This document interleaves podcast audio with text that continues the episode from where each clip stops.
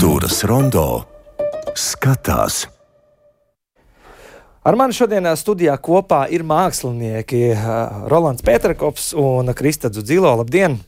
Sveiki! Labdien! Labdien! Un Rolands jau šeit ir otro nedēļu pēc kārtas un, un pazīst šos mikrofonus. Uh, man ir tāda sajūta, ka nu, beidzot mēs esam sasnieguši tādu mm, izstādes, izstrādes līmeni, ka bez iepriekšējām zināšanām neiztikt. Ja? Jo nonākot uh, laikmatīgās mākslas uh, centrā, redzot šīs izstādes uh, artefaktu un uh, mākslas darba daudzumu, man ir jautājums, no sākuma, vai ar to pietiek? Un tas milzīgais intelektuālais daudzums, uh, ar kuru sevi jābagātina, lai saprastu šo daudzajādo dziļumu, man, man nu, šķiet te jau akadēmisks, jā, tādi jēdzieni kā drēbniecība, holokausts, uh, kolektīvā amnēzija, kolektīvā atcerēšanās māksla, mūsdienas, avangards, Bauhaus. Man vienā brīdī tā nu, galva sāk kūpēt, un jūs abi esat no jauna pieaicinātie mākslinieki, lai papildinātu šo, šo izstādi. Tad pirms mēs nirstam iekšā pārējā, pārējā dziļumā, man tad interesētu, kad jūs pieaicinājāt un cik ilgu laiku tas prasīja, un tā pirmā impresija papildināt šo visu. Krista? um. Zini, kā man domas un uh, kaut kā viss manī piesaistījās tam, ko tu teici, papildināt. Es, man šķiet, ka jebkura veida mm, izstāde vai um, notikums, kurā ir iesaistīti vairāk cilvēki, vairāk ir saruna, nevis viens par otru papildināšanu. Um, un tā es noteikti to arī uztvēru. Um, Zānē mani uzrunāja, man šķiet, diezgan sen jau. Tā kuratora Zana Onskula. Jā šī, da, šīs izstādes sakarā varētu būt kāds pusgads, varbūt, Roland, kā tev liekas? Man šķiet, ne? Man liekas, ka tas pavasara sākums Jā. kaut kas tāds. Jā, un kaut kā viss tas, ko viņa teica, likās skaisti, jēdzīgi. Un, protams, arī nenoliedzami saistīts ar manu personīgo mm, nezinu, uzmanību vai vēlmi domāt, kā domāt par mākslu un ko es redzu būtisku vispār domāšanas procesā un domāšanā par mākslu, kas ir atmiņa eh, personīgā, kolektīvā un eh, atmiņa kā fenomenu, ko tu atceries, ko tu aizmirsti. Tas ir selektīvi, jā. Absolūti, selektīva, subjektīva. Uh, ar kaut kādu ilūziju par objektivitāti. Jā, Roland, es uzreiz iemet, iemetīšu mm -hmm. kādu repliku no sevis, mm skatoties to triptiku, uz kuru tevi uh, ir uh, inspirējis dizainers Solomons Levitānus, viens no šiem mm -hmm. priekšmetiem, jā, prie, nu, viens no satura dziļumiem šajā izstādē, tad respektīvi tavu triptiku vērojot un pēc tam redzot uh, tavu un Maras personāla izstādi, jā, mm -hmm. ļoti tādas paralēlas var savilkt kad inspirācija ir abām šīm izstādēm, vai tur ir kaut kāda pēctecība? Nu, tas ir viens un tas pats laiks, kad tas viss tiek radīts. Un skaidrs, ka mēs ar uh, Māriju pārslēdzoties priekš cita projekta, neesam citi. Mēs esam tie paši. Mums ir tie paši izteiksmes līdzekļi, ko mēs darbojamies. Un, uh, un kā reiz, uh, jā, tās valodas, mēs, kas ir mūsējās, kuras mēs attīstām, izpaužot konkrēto vēstījumu saistībā ar konkrēto stāstu. Jā, uh, tūdaļ klausīsimies um, reportāžu, ko ir um, veikusi mūsu kolēģe Māra Rozenberga, viesojoties tieši Lakmatīgās mākslas centrā Kim. Tātad, uh, nu, vairākas dienas jau ir durvis vērus izstāde, kuru kopīgi radījuši drēbnieki drēbnieki, atslēgvārds drēbnieki. Tiešām mēs šo vārdu daudz locīsim šodien vēl. Uh, un audumu dizaineri Solomons Levitānus un uh, Ļuba Monastirska. Un vismaz uh, tā tas ir šīs izstādes kuratora iztēlē. Un realitātē abi Rīgas mākslinieki gāja bojā holokaustā. Un viņu dzīves stāsts un radošo mantojumu ir izzinājušas kuratoris Rikārda Mesnere no Vācijas un Londonā dzīvojošā Estere Kajema un publicista Rikārda ir Solomona Levitānus mazmazmeita, bet mākslas zinātniece Estere aizrautīga Latvijas ebreju vēstures pētniece, un tālāk dziļāk jau dodamies uz Kim, un uh, tālāk dod vārdu Mārai Rozenbergai. My name is Ricarda Messner. I was actually also still born. Mani sauc Rikārda Mēsnere, dzimusi Levitānusu. Šis uzvārds ir saikne ar manu Latvijas ģimenes daļu. Viņi emigrēja uz Vāciju jau 1971. gadā, un es piedzimu Berlīnē 1989. gadā. Tāpēc, diemžēl, latviski zinu tikai vienu šūpuļdziesmu - Aijā žūžu lāča bērni. Uh, say the words like the Aijā žūžu lāča bērni. There you go. Um, I can say Suns and Forš, and that's it. Um, but yeah, it's been. Kļūstot vecāka, pamazām apjautu, ka vēlos saglabāt savu senču piemiņu un atgādināt par viņu dzīvi. Tāpēc atkal un atkal atgriezos Rīgā un pētīju dzimtas pagātni. Šī izstāde ir daļa no manas sadarbības ar pētniekiem šeit, Rīgā. And it's been really beautiful. Manas ģimenes emigrācija no PSRS bija iespējama, jo mans vectēvs bija ebrejs. Diemžēl lielākā daļa viņa ģimenes tika nogalināta holokaustā, un līdz ar viņiem ļoti daudz kā zudis un palicis neizstāstīts. Esmu trešā paudze pēc viņiem. Mana māma joprojām ir dzīva, un es viņu katru gadu ņemu līdzi uz Rīgu, mēģinu saprast savas saknes un Baltijas valstu sarežģīto vēsturi. Otra izstādes kuratore ir Estere Kājēma, dzimusi ebreju ģimenē Rīgā, bet bērnībā pārcēlusies uz Londonu, tāpēc arī viņa priekšroka dodas sarunai angliski. I was born here. My roots are also Latvian Jewish. Mana tēva ģimene ir no Lūdzas, bet pati augu ebreju kopienā Rīgā. Ar Rikardu Mesneri es iepazinos caur kopīgu draugu, kurš zināja manu apsēstību ar Latvijas ebreju vēsturi un pastāstīja man par viņas interesi izzināt savas saknes. Četrus mēnešus padziļināti pētīju Rikardas vecvectēva Solomona Levitānusa un viņa ģimenes vēsturi. Pēc tam piecus gadus dzīvojām ar šo stāstu, pamazām sadraudzējāmies ar Rikārdu un sapratām, ka mums ir daudz kopīga. Kim komanda jau ilgus gadus ir mani draugi. Man ļoti patīk viņu darbs un idejas, kā parādīt svarīgo. Tā nu pirms pusotra gada nonācām līdz tam, kā ar stāstu par Solomonu Levitānusu kaut ko vajadzētu darīt. Man bija dažas idejas, un es iepazīstināju Rikārdu ar Kim direktori Zani Onskuli. Nolēmām veidot izstādi, kurā arhīvu materiāli mītos ar laikmetīgo mākslinieku darbiem. Stāstā iekļāvām vēl vienu personāžu - Ļubu Monastīrsku, auduma dizaineri un mākslinieci no Rīgas, un tā tapa šī izstāde. Uh, and uh, we created this show all together. Yeah, Jā, pastāstiet vairāk par abiem centrālajiem izstādes varoņiem - Ļubu Monastīrsku un Solomonu Levitānusu. Yeah, yeah. That, uh... Solomons Levitānus ir mans vecvectēvs. Viņu es patiesībā iepazinu tikai caur Esteres veikto izpēti, jo mūsu ģimenē par viņu īsti nebija saglabājušies nekādi stāsti vai pat fotogrāfijas. Pat nezinājām, kā viņš izskatījās. No Esteres izpētes uzzināju, ka viņš kā drēbnieks ir izdevis vairākas grāmatas par apģērbu konstruēšanu un dizainu. Pirms sešiem gadiem es internetā atradu viņa piegrieznes kopiju. Tātad cilvēki joprojām lieto viņa metodoloģiju. Man bija svarīgi, ka mēs varam sameklēt Solomona Levitānusa pēdas visi kopā, ka arī cilvēki no vietējās kopienas te Latvijā man palīdz saprast, kas viņš bija un ko darīja. Pērn mēs beidzot Latvijas Nacionālajā bibliotēkā atradām vairāku viņu mācību grāmatu oriģinālus, kas saglabājušies līdz mūsdienām. No tā arī atspērāmies. Viņa grāmatas nav tikai tehniskas, viņš tās izdeva, lai cilvēkus izglītotu un dalītos pieredzē. Šī doma dalīties un nodot tālāk savas zināšanas mums bija ļoti būtiska arī izstādes sakarā.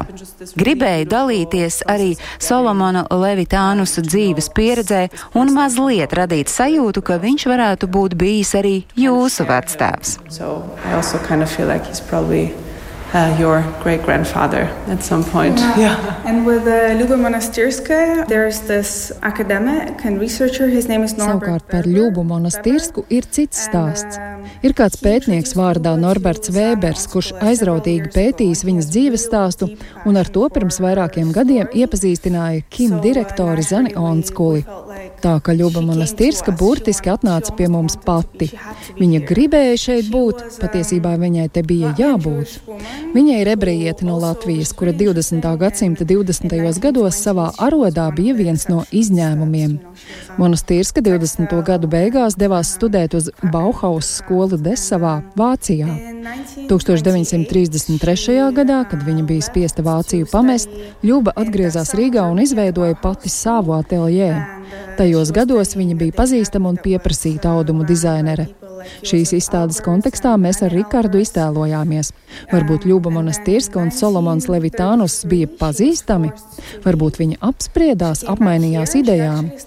Mūsu iztēlē šī patiesībā ir viņu abu izstāde, kas izaugusi no viņu sadarbības. Visi izstādē uzaicinātie mākslinieki, izņemot kino režisoru Sergeju Loznicu, kuram ir arhīvu materiālos balstīts dokumentāls kinodarbs, lasīja Solomona Levitānusa grāmatas, pētīja Ļubas monastirskas audumu dizainus, iedziļinājās abu mākslinieku liktenī un kaut ko no viņiem aizguva. Really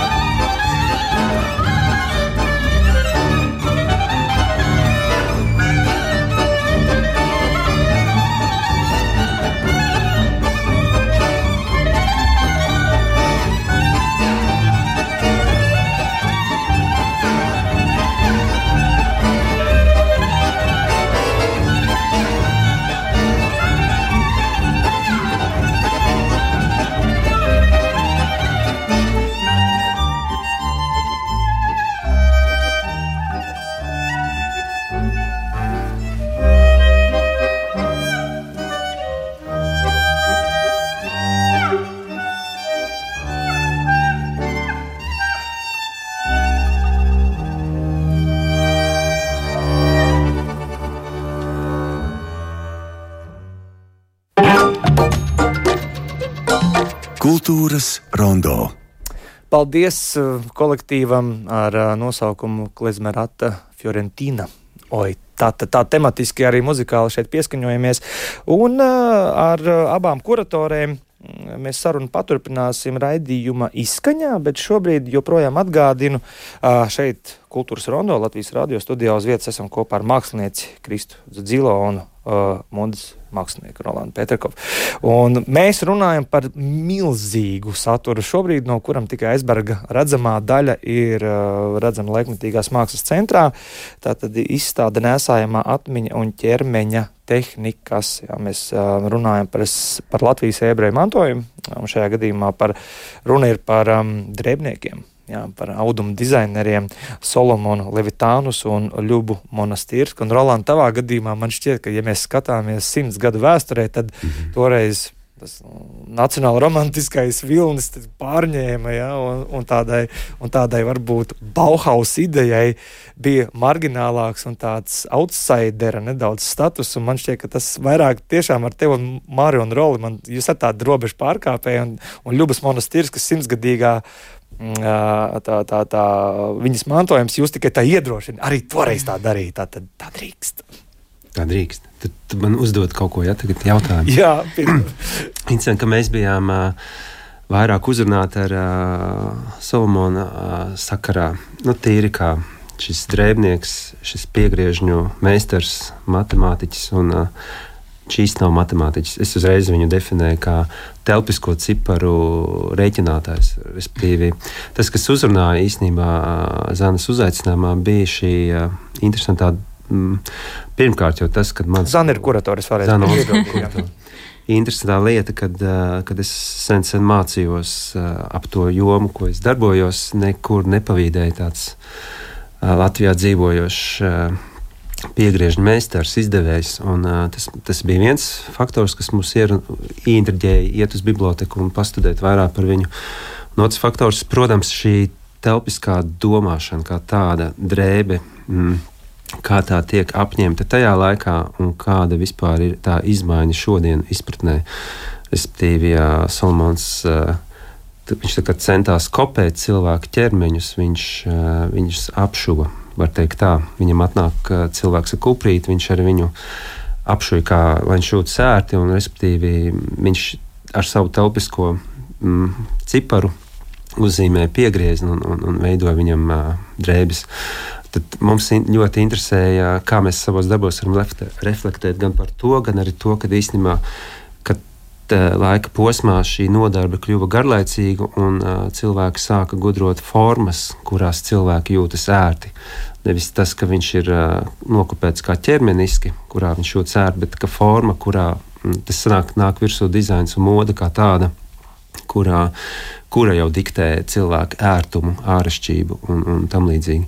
Jā, mēs savos darbos centāmies iekodēt nedaudz iekšā šo mm, pirmkārt jau. Uh, Teiksim, angliski, ne, bet to arotprasmi, tailoringu, kas bija raksturīgs tā laikā skroderiem, var teikt. Um, ar, ar dažām zīmēm mēs centāmies tur uh, izpausties. Tāpat brīdī arī šī piegriezne matemātikā tāda, kā viņa deformējas no tā, ka viņš jā, grib uh, palīdzēt cilvēkam ar līkām kājām, uzšūt bikses līdz tam, kad šīs līkās kājas kļūst skaistas un viņas deformējas kaut kādā drapērijā, kur, kura jau uh, formējas kā tāds darbs, kurš sevi sasumējas kaut kādu, uh, kaut kādu informāciju. Tur gan tikai kolāžu veidā mums bija mm, darbs par eh, biksēm, kas vairāk bija kolektīvās bikses, kur mēs uh, demonstrējot uh, bikšu kodus, ar tiem es gribu atzīmēt detaļas, tur, ar ko mums asociējas bikses. Un tad šie kodi izstāsta to aptuveno abstrakto vīziju par to, ka tas ir grupveida cilvēku līnija, kurā stāv vairākas bikses. Gan atzīmē to virzienu, kas ir pats holokausta ieslodzījums, kā tāds, gan arī vispār kolektīvais viņa klients, jo viņ, viņš apšuva pusi Rīgu. Labi, es pārspīlēju, bet, nu, respektīvi, viņa klients kā tāds. Un, uh, Daudz šie, šie, šie virzieni mums vienkārši var teikt, iedvesmoja, un mēs centāmies to sasumēt un izteikt formās, kā mēs to vēlamies. Jo, kā tu teici, izstāde ļoti sātīga un, un, un bezmazliet tev vajag ļoti daudz materiālu zināt iepriekš, tad man liekas, ka arī šie diametrālās, dis, pilnīgi atšķirīgās disciplīnas, ja, nu, kas ir domāšana, skrodarniecība. Jā, jā. Jo, jo Levitānus, es saprotu, viņa tās mācību grāmatas, viņš jau ir mēģinājis pasniegt savu valodu arī kā domāšanu. Tieši tā, tas arī tas uzrunāja vairāk. Domātājs, pat publicists kā tāds, ko es gribēju piebilst, jā, ka īstenībā tas mūsu uzdevums bija radīt vizuālu ieinteresētību apmeklētājiem, iedziļināties domā.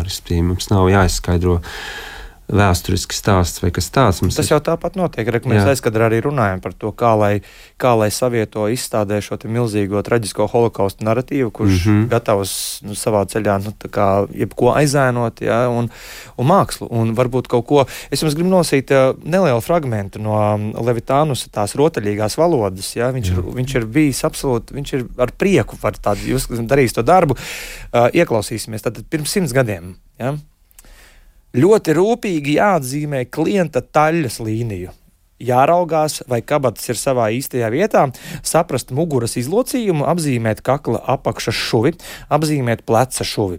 Jāraugās, lai piedurknes izgriezums nebūtu par plats vai par šaurs. Jāpiesprāž drēbes apakšējā daļa, lai redzētu vispārējo uzvalka garumu. Visu beidzot jāaplūko uzmanīgi un vispārēji, vai kaut kur nav nepieciešams kaut kāds izlabojums. Ja tāds ir, jāizlabo uzreiz, nekavējoties. tā, tas ir tikai fragments no tā, kā viņš mm. apraksta. Tur ir šīs mācību grāmatas, kā, kā viņas tiek sauktas, tulkotas uh, vairākās valodās, turklāt vēl arī atzinību ieguvušas. Jā, arī kopētas Krievijā. Jā. Tur ir smuki, kā viņš savus klientus tur nosauc. Jā, starp citu, viņš nav kautrējies no tā, ko mēs noteikti noslēpjam zem GDPR likuma. Mūsdienās viņš ir pietiekami, pietiekami intīms process. Mm. Uh, uh, Krista, man jautājums eh, tev. Eh, sāksim ar pavisam piezemētām praktiskām lietām. Es saprotu, ka tu līdz asinīm esi iesaistījusies ah, jā, šajā. Bet, bet ar citu, pirms tam, kad runāju, es nezinu, tas būtu jārautā Zanai uh, Onskolai, vai viņa mani kaut kādā mērā uzaicināja, tāpēc arī, ka es uh, tomēr arī strādāju ar apģērbu teātrī. Savilku. Um, var jau būt, ka nē. Un, un to, ko tu uh, runā, man, es negribēju tev pārtraukt, bet man šķiet, ka vismaz tā kā man nav izglītība tieši. Um, Nezinu, kostīmu veidošanā vai apģērba veidošanā, tad es uh, jau cik gadus, kaut kādus 15, uh, ko es daru to arī teātrī, es vienmēr domāju un redzu, kostīmu vai apģērbu kā telniecību. Man ļoti patīk 3D modelēšana, un tad es viņu tiešām redzu kā telniecību telpā, tikai mm. raudumu. Um, Jā, tur ir kaut kas tāds uh, vairāk par domāšanu un mazāk Tieši par pašu tā. to um, uh, apģērba radīšanu. Un tas, ko tu izlasīji, mm, tas teksts. Uh, No tās burtnīcas vai kā pierakst. No grāmatas, jā, no, mācīt, no, grāmatas. Tas, no tās retās vienas grāmatas, kas ir izstādīta un ir, dabūta. Jā, bet tas ir ļoti precīzi patiesībā, kā es, piemēram, arī piedzīvoju uh, laikošanu. Tu tiešām domā tā kā tādu matemātisku vienādojumu, kurā nekavējoties ir jāizlabo kaut kas. Cits starpā es mazliet iestrapināšos, jo šeit ir vērts pieminēt to, ka gan piekdien, gan sestdien, tad, tad Lāčplēša dienā jums ir iespēja šī izrā, izstāde ir vēl paplašinātāka mm. līdz galerijai centrs, pat, kur var piemērot un pielaikot un noņemt mērus, tā kā to darīja to laiku. Ja? Būtībā mm. šīs skroderniecības ilgstošais paņēmiens 10. un 11. novembrī galerijā centrs jā, to var izdarīt. Bet, um, uh, saki, Krista, tā, tā, tā, tā Ļubas monastīrskas vērīgā acis, mm. ko tu esi zīmējusi un palielinājusi, tā ka ieejot tajā telpā, kur tā acis ir, nu, ko viņa vēro, nu, kas ir tas, ir, jo, jo man bija tāds sajūta, ka mani pieķer. Mm. Zinu, kā es nezinu, vai tāds kaut ko vērot, esi skatītājs. Tu esi tas, kurš to piedzīvo vairāk. Um, šis darbs vai veids, kā es strādāju, ir pie tā, ko vēroju es. Um, un, uh, Jā, man, man fascinēja šis ļubas tēls, un uh, man likās brīnišķīgi arī katras zemes uh, kurators uh, ēpasts, kur viņa nosaukums bija Ļuba un Krista, kas man likās mīlestība un Krista. um, Un, jā, un man laikam pirmkārt jā, šī aizmirstība, kurā viņa vai vispār kā cilvēks, cik ilgi saglabājas viņa kaut kāda aura vai piemiņa, vai vispār cilvēks kā tāds, tad, kad viņa vairs fiziski nav. Un šis viens attēls, viņas, eh, kas viņai noteikti bija personīgi svarīgs, vai kur viņa identificējās vai redzēja sevi, tagad eh, bez šī konteksta neviens viņu nezina. Tā ir kaut kāda mistiska, nezināma, anonīma sieviete, anonīmas sievietes attēls, kurš ir aizmirsts, kuram nav nekādas. Um, piesaistes ar personīgu atmiņu nevienam cilvēkam, jo maz Nu, es domāju, ka šobrīd varētu būt nav viens cilvēks palicis, kurš viņu atceras kā īstu cilvēku. Un tad man likās būtiski kaut kā nebeigt daudzas stundas skatīties uh, uz šo šobrīd nevienam daudz nenozīmējošo attēlu. Mēs pēc mirkļa Māras Rozenbergas reportāžā vēlreiz tam pieskārsimies, kur ir tāda nu, gara acīm varam modelēt situāciju, vai Levitānus ar uh, monastirku satikās, vai viņi sēdēja uz tā viena uh, dizainētā dīvāna un pārsprieda piegrieznes un kā mm. labāk. Tā kā tā, šīs šādas varbūtības joprojām ir gaisā, bet um, par dziļumu un par tiešumu vēlreiz tātad uh, ejam vēl vienu slāni dziļāk, nu jau, nu jau es teiktu, ģeodēzis fiziskā līmenī, jo izstādi papildina ar, ar, arī Ground Penetrating Radar Group. Ja, tad, tad zemi caururbjošā radara grupa, un tur ar QR kodu ir iespējams noskanēt un atvērt skaņas failu, ja, kurā ir stāsts, ļoti dziļš stāsts par to, tad judaismā Judaismā tradīcija nosaka, ka neekshumē, ja tad nerok ārā aizgājušos. Ja, un šajā gadījumā ebreju kapos, lai nu, kaut kādā mērā varētu noteikt šī nozieguma apmērus, tad šī radara grupa ir skenējusi to kapsētu ja, un noteikusi, kur ir zemes traucējumi bijuši iejaukšanās ar lāpstu, tad ir tos, tos, tos, tos slāņu lauzumus arī ir atseguši, un tur ir vesela tāda mm, pazemes izdrukas lente. Tad man, ja, man bišķiņ, tagad jums ir jās,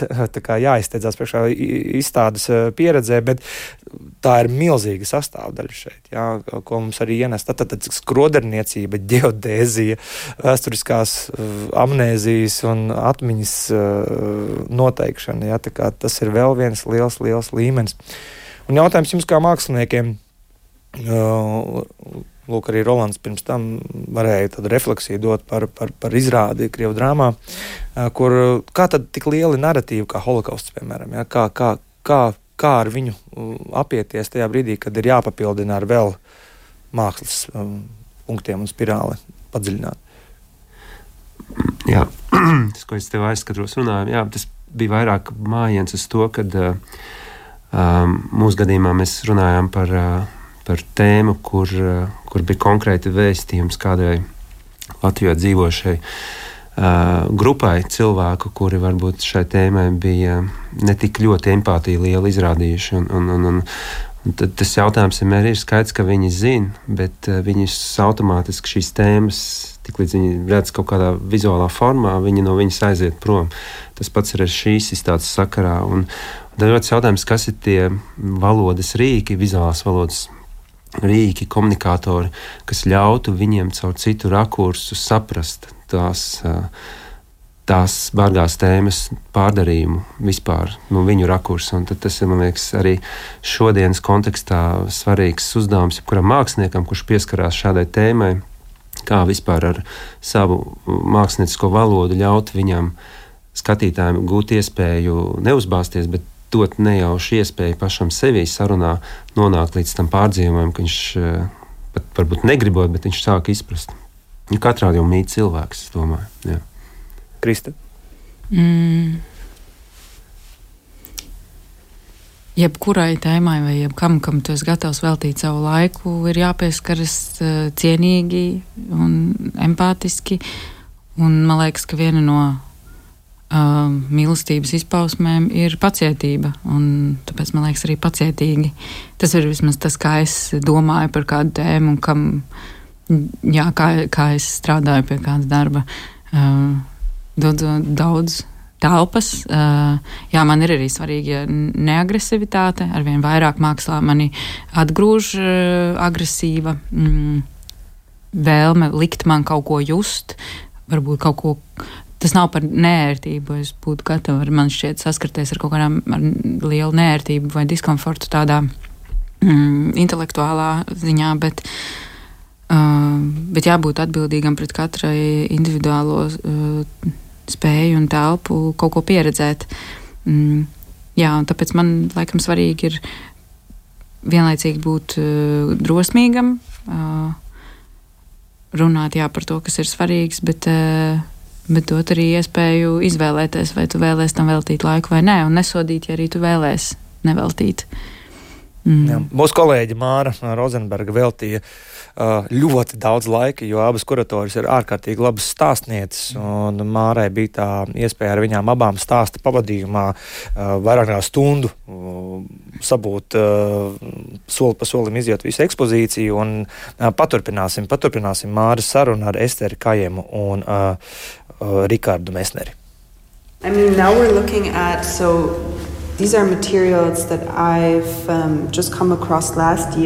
Šie ir materiāli, ko atradu tikai pagājušajā gadā. Te apskatāmas dažas Solomona Levitānus izdotās grāmatas, ko Latvijas Nacionālā bibliotēka aizdeva mūsu izstādēji. Vienu no grāmatām esam atvēruši lapusē, kur uzzīmēts vīrietis ar kupri. Mums bija ļoti interesanti pētīt, cik lielu nozīmi Levitānus piešķīra saistībai starp apģērbu un konkrēti cilvēku cilvēka ķermeni.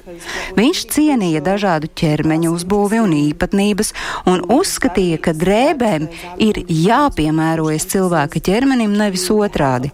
Mūsdienu modes pasaulē daudzi uzskata, ka ķermenim ir jāietilpst konkrētās drēbēs, un mēs tik bieži runājam par to, cik nērti jūtamies vienā vai otrā apģērbā.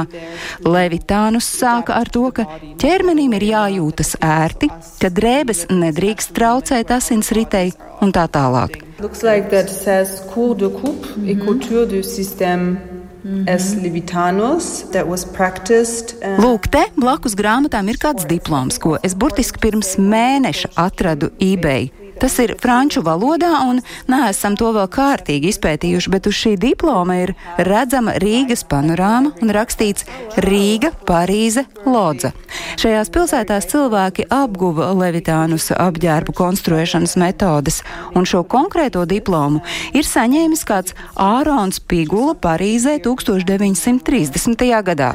Ja ieskatās, uz diploma ir arī paša Solomona Levitānusa paraksts. Since we don't have any family photographs, and in the Latvian State Archive, also an amazing researcher, she found three visa and three passports.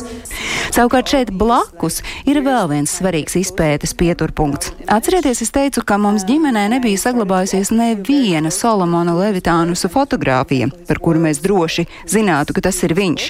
Kāda fantastiska pētniece Latvijas valsts arhīvā mums palīdzēja atrast trīs viņa pases un vīzas. Tā tad arī bija pirmā reize, kad mana mamma ieraudzīja, kā ir izskatījies viņas vectēvs, un es ieraudzīju savu vecvectēvu. Um, really yeah. Un kāda ir sajūta beidzot iepazīt savu nekad nesatikto vecvectēvu? Um, it's really, yeah, it's really special, but I think it's really special because I feel really like I'm sharing. Tas ir īpaši, un pavisam īpaši tādēļ, ka tajā var dalīties ar citiem. Ģimeni bieži uzskata par privātu lietu, bet šajā gadījumā, ņemot vērā arī vēsturisko kontekstu, man ir svarīgi dalīties šajā procesā, kā es viņu iepazinu. Man bija 15 gadu, kad pirmo reizi kaut ko uzzināju par Solomonu Levitānusu. Mums ir viņa miršanas apliecība, kurā teikts, ka viņš gāja bojā Rīgas centrāla cietumā 1941. gada vasarā, kad sākās nacistu okupācija. Jā, vecvectēva nāves apstākļi bija pirmais, ko uzzināju, nevis kādi fakti par viņa dzīvi un personību. Tāpēc šī izstāde ir kā kāpšanās atpakaļ no viņa nāves, mēģinot restaurēt un izstāstīt viņa dzīvi. Un tam man ir vajadzīgi arī skatītāji. Like to bring him almost like to life, I needed the public, so. Definitely. And it's similar yeah. with Luba because mm -hmm. she perished in November 41 in Rumbula. Mm -hmm. Līdzīgi ir ar Ļubu monastīrsku, kuru nogalināja Rumbulā 1941. gada novembrī. Bet šī izstāde nav tikai mirušo piemiņai. Tā dod cerību, ka mēs varam šos cilvēkus atgriezt dzīvē caur viņu zināšanām. Because, yeah, Tāpēc mēs beigās šajā izstādē neizlikām apskatēji Solomona Levitānus miršanas apliecību, lai cik skaudra vēstures liecība tā būtu. Ilgi par to domājām un sapratām, ka šīs brutālās nāves liecības diemžēl aizēno cilvēku dzīvi un darbu, kas bija ļoti svarīgs. Protams, par to ir jārunā, bet šajā izstādē mēs gribam runāt par dzīvi un viņu mantojumu. Like a certain kind of closeness to what they've left to focus a bit more on their doings. Ja, klausoties Māris Rozenbergas sarunā ar abām izstādes kuratorēm, ar Esteri Kajemu un Rikardu Mesneru, mēs tagad domājam tālāk, nu kā lai, kā lai vēl pasaka, jo tur ir vēl lietas, jā, šeit noteikti jāpiebilst, ka bez Kristas Dudzilo un Marija un Rolas darbiem šeit klāt izstādē ir redzami Albas Durbano un Daigas Grantiņas instalācijas, kā arī uh, kino režisora Sergeja Lozņicas filmi, ja, un tur sēžot un iejūtoties, ja, nu, man pilnīgi pilnīgi pārliecība bija, ka tā ir tā saucamā Maskavas forštata, kas tur tiek rādīta, jā, kas arī ir bijis ebreju apdzīvots rajons, arī ebreju kapu rajons. Un šajā gadījumā tam visam ir dziļums un, un, un, un, jēga un konteksts. Un te es vienreiz varu teikt, ka tas ir viss savīts, sapīts tik blīvā bizē, ja, ka, ka nu, to atšķietināt katram ir tāds liels, liels uzdevums. Bet šeit, uh, kultūras rondo, mēs joprojām esam kopā ar Kristu Dzilo un ar, ar Rolandu Pēterkofu. Izstāde turpināsies. Izstāde turpināsies, bet es tā saprotu, ka arī tie artefakti, da, daži burtiski pēdējā brīdī ja, tika dabūti, eBayā pat nopirkti, ja, un lai būtu, ka šī izstāde ir absolūti dzīva, joprojām viņa nav statiska. Jā, Rolandas jautāju. Jā, domā artefakti kas ir izstādē. Par izstādes dzīvīgumu. Jā, jā, mums ir vēl mazliet laiks. Varbūt mm. tāds kāds aicinājums klausītājiem un topošajiem izstādes apmeklētājiem. Man liekas, ka, jā, man liekas, ka jā, varbūt arī kaut kādā ziņā laba dramaturģija pašai izstādē kā tādai, ieejot. Sekojot katram darbam, izējot procesam, nonākot līdz gala telpai, kur ir arī daigas, mūsējies, mūsējie objekti. Man liekas, tas arī ir interesanti. Šī nu, labs ēdiens, kurā ir daudz sastāvdaļas, un, un tu viņas visas varbūt nesaproti, kā salikt kopā, bet viņas tev vēsta kaut kādu lielu, vērtīgu narratīvu, jā, vēstījumu par, par, par kopistādes konceptu kā tādu. Jā, man liekas, Un par izstādes turpināšanos man šķiet, ka būtiski jebkuram skatītājam vai mākslas pieredzētājam ir saprast, ka uh, visdzīvākais punkts uh, ir skatītājs mākslā. Bez skatītāja un bez mākslas pieredzētāja tie tomēr ir objekti, kas mums kā māksliniekiem daudz nozīmē. Tur ir ietverts mūsu laiks, mīlestība, uh, tiecība, um, vēlme kaut ko saprast, bet skatītājs ir vienmēr mainīgais punkts, kurš padara mūsu darbu dzīvu. Paldies, Krista, paldies, Rolanda. Gaidām jūs, gaidām jūs šajā ceļojumā piebiedrojamies. Bet nu laiks pievērsties Ah, vēl viena, es atceros, viena lieta. Tātad biblioteka ir digitalizējusi uh, visus tajā esošos materiālus, kas saistīti ar Levitānus, ja, jo liela daļa materiāla nav pieejama mm -hmm. uh, dzīvajā. Un šī informācija ir pieejama digitālajā bibliotekā kopā ar citiem materiāliem par Latvijas ebreju kultūras mantojumu.